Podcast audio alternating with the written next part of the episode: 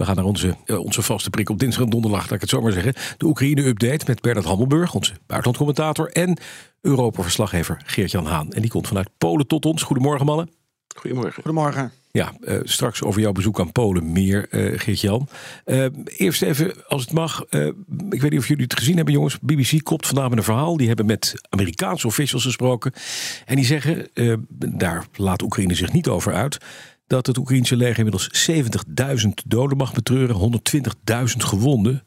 Op een totaal van een half miljoen mensen die opgeroepen zijn. Dat betekent, zou betekenen, als dit waar is, dat de helft van het Oekraïnse leger dus of in het ziekenhuis ligt of in het graf.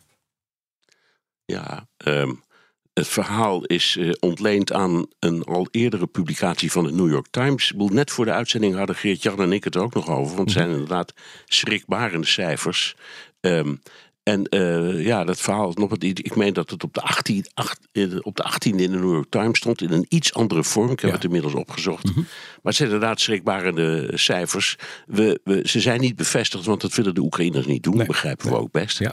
Um, maar het geeft een beeld van uh, hoe gruwelijk die oorlog is. En dit is natuurlijk vooral het verhaal dat zich afspeelt op het front. Hm. He, uh, dat, dat, dat inmiddels nou ja, beruchte statische geheel waar de, de, de, de, overwinningen heen en weer minuscuul zijn. En dat heen en weer millimetert, waar ongelooflijke hoeveelheden munitie worden afgeschoten. En enorm veel mensen omkomen. Aan Russische kant schijnt het nog veel erger te zijn trouwens. Maar daar heb ik zo snel de cijfers niet van bij de hand. Nee, nee. Ja, die heb ik hier uh, voor me, want ik heb ook het artikel geopend, Bernard. Uh, ja. Dat nadert volgens Amerikaanse officials de 300.000.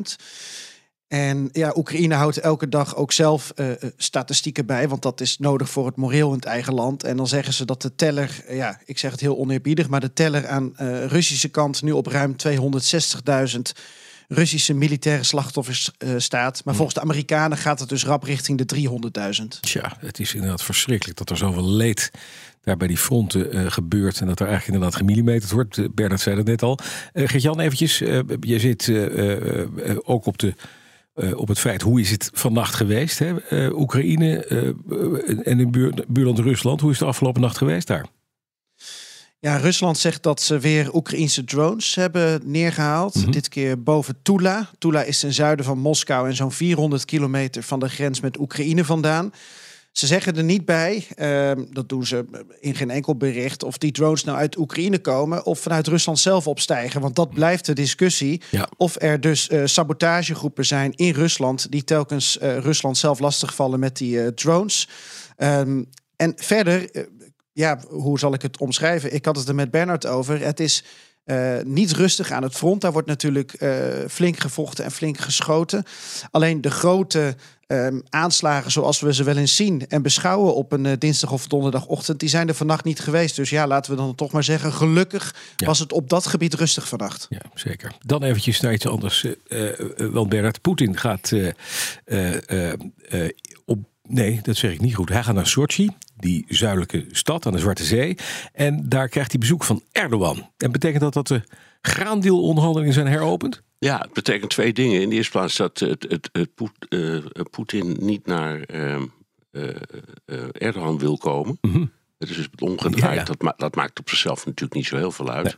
Nee. Um, en inderdaad, um, de bedoeling van Erdogan is, voor zover we begrijpen, wel degelijk om opnieuw een poging te doen om uh, die vastgelopen onderhandelingen weer los te trekken. Het gaat steeds maar over dezelfde dingen, namelijk uh, de Russische eis om ook te kunnen exporteren, om ook uh, kunstmest te kunnen exporteren en om de financiering te kunnen regelen door um, een van de banken los te koppelen van al die sancties, waardoor de internationale overmaking weer gemakkelijker wordt. Oh, ja. um, en en dat, in feite draaien ze in kringetjes rond. Um, er is wel, sommigen beschouwen dat als een goed teken. Uh, gisteren voor, de, voor het, het, tweede schip uit Odessa vertrokken. Dat net als het eerste daar al anderhalf jaar lag. Ja. Alleen aan boord van dat schip zat geen graan, maar uh, uh, oud ijzer. Hm. Dus uh, ja, nou, weet niet of we daar heel veel van, aan kunnen, heel veel conclusies aan kunnen trekken. Maar heel veel mensen denken hoopvol, nou ja, misschien is vervoer vanuit Odessa nog steeds mogelijk. Ja, en dat gaat dan door de territoriale water van Roemenië en Bulgarije. Precies, wat, precies. wat wel cruciaal is, dit was een schip wat onder Singaporese vlag vaart. Dat vorige schip dat, dat voer onder Chinese vlag. Dan kan je nog voorstellen dat de Russen daar buitengewoon terughoudend zijn om daarop te vuren. Hongkong. Hm? Hongkong. Hongkong, ja, dat is Chinees. Ehm, Ja. eh, eh, tegenwoordig. Eh, en, en dus wat dat betreft, eh, dit is een Singaporees schip. Dat Ja. ja. ja, toch een ander, ander verhaal. Eh, maar ook daar wordt niet op gevuurd. Dus dat is wel goed nieuws. Hij kan er ook niet omheen, hè, eh, eh, Poetin. Eh, je kan hier niet op gaan schieten in territoriale water van Roemenië en Bulgarije. betekent dat je, dat je een NATO, NATO-land eh, schendt. Nee, maar als, als je daar gelijk in hebt, als hij Mhm. dat niet kan, dan betekent het dat die route echt open komt. Ja, precies. Want dan betekent het dat hij ook in de toekomst niet gaat doen. Weten we niet hoor, want Nee, nee. hij heeft helemaal aan het begin wel een poging gedaan om zo'n schot te lossen eh, in die vaarroute. Dus het is nog steeds een beetje griezelig. Eh, je weet, er is ook nog steeds het probleem van de verzekering. Ja. En wat je ziet maar verzekerd te krijgen. Daar schijnen nu wel eh, oplossingen voor klaar te liggen. Maar het is allemaal kantje boord. En het zou fantastisch zijn als Erdogan, eh, ere zij wie ere toekomst, hij blijft eh, zijn best doen. Het zou geweldig zijn als Erdogan het voor elkaar krijgt. Ja. Eh, eventjes naar het, het andere. Hij gaat dus niet, je zei het al eventjes, niet naar Turkije. Eh, ontvangt Erdogan. Gaat ook niet naar de G20-top in India. Wat, hoe moeten we dat zien, Geert-Jan? Als ik.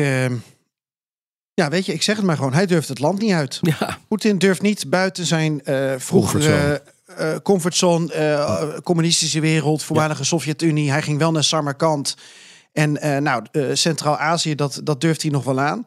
Ehm, maar hij is echt bang, denk ik, dat hem daarbuiten iets overkomt. En eh, we hebben het elke keer over: gaat hij naar Zuid-Afrika, gaat hij naar Turkije, gaat hij naar India? En dat was eigenlijk vorig jaar ook al. Gaat hij naar Indonesië? Nou, sinds eh, het strafhof hem eh, eh, zoekt, was Zuid-Afrika geen optie, maar al die andere landen wel.